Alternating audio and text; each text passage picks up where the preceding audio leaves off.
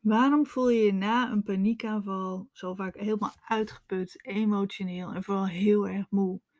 Hoe kan het dat je je zo voelt hè, als je een paniekaanval of acute hyperventilatie hebt gehad?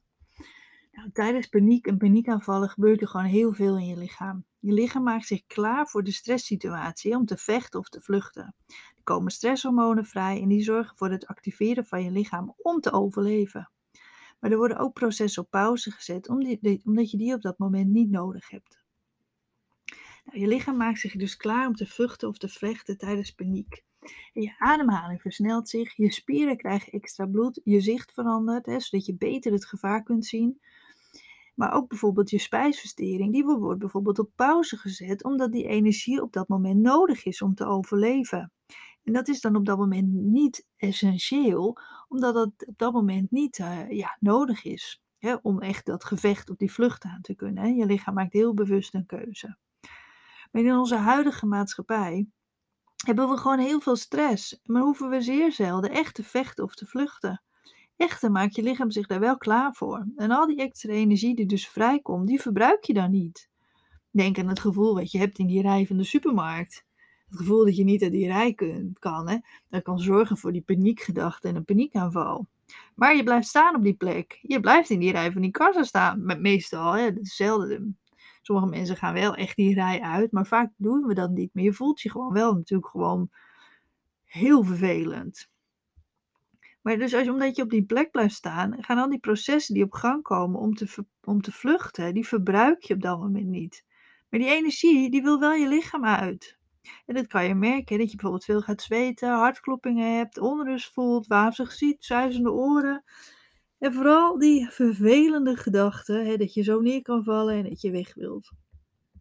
Na een paniekaanval kan je dan heel erg moe, uitgeput, emotioneel of zelfs ziek voelen. Want na een paniekaanval moeten die stresshormonen je lichaam nog uit. En door de stress maakt je lichaam die stresshormonen aan. Cortisol en adrenaline zijn daarbij de belangrijkste. Deze zullen na de paniek weer je lichaam uit moeten. Dat merk je vaak doordat je na de paniek heel veel moet plassen. Maar ook dat onrustige gevoel wat je kunt houden komt daardoor. Daarom is het ook heel belangrijk dat je voldoende water drinkt, zodat die stresshormonen dat je die eh, ja, kunt afscheiden door het veel te plassen. Echt heel belangrijk om voldoende water te drinken, zeker als je paniek hebt, paniek hebt gehad. Maar dan, ja, dan kan je lichaam, die gooit eerder die stresshormonen eruit, dus zal je eerder beter voelen. Nou, ook zal je merken dat je vaak heel erg moe bent na een paniekaanval. Zo'n aanval kost gewoon ontzettend veel energie. Vaak ben je al vermoeid door die chronische stress en hyperventilatie. Dus als zo'n aanval er bovenop komt, dan voel je je vaak gewoon echt uitgeput. Het aanspannen van die spieren, het alert zijn, die negatieve angstgedachten, dat alles kost echt zo ontzettend veel energie. Het is dus niet heel gek dat je na een paniekaanval gewoon echt moet bijkomen. Dus gun jezelf die rust en die tijd dan ook. En denk dan niet, oh, niet zo aanstellen, kom op doorgaan. Nee, je lichaam heeft heel hard gewerkt. Dus gun jezelf die rust in de tijd ervoor. Nou, door de angst voor de angst die vaak ontstaat als je last hebt van paniekaanvallen, zal je ook slecht kunnen ontspannen. De gedachte van wat als de paniek me weer overvalt, speelt daar vaak een belangrijke rol in.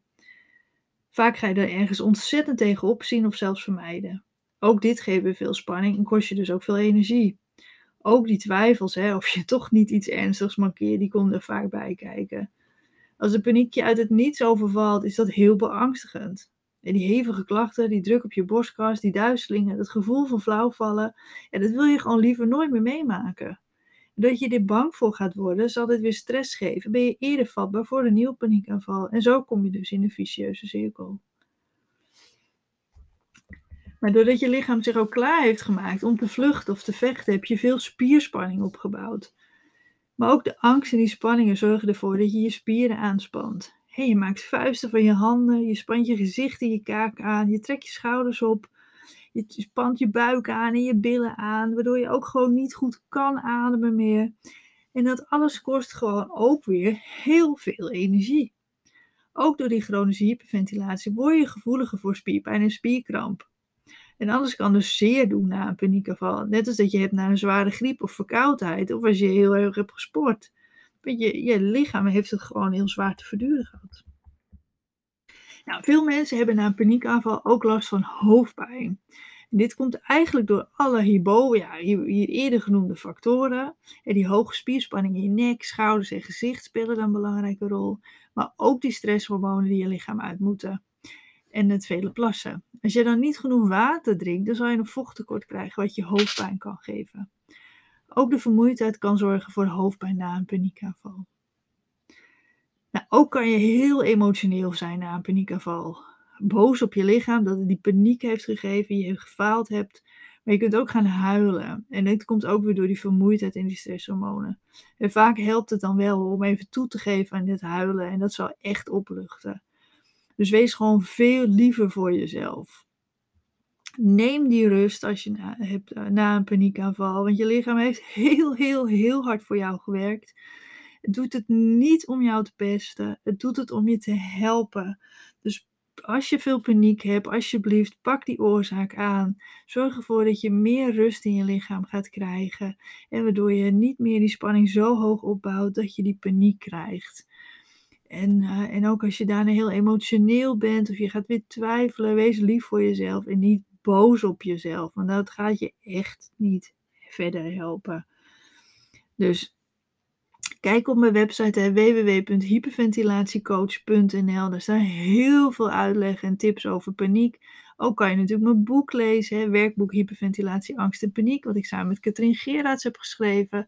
Waar ook heel veel uitleg en tips in staan. Dus heb je veel last van paniek, probeer er echt aan te werken. Want als ik er vanaf kan komen, dan kan jij dat ook. Dus zorg goed voor jezelf. Wees vooral heel lief voor jezelf. En weet nu ook waarom je dus zo ontzettend moe bent na een paniekaanval. Nou, bedankt voor het luisteren en tot bij een volgende aflevering.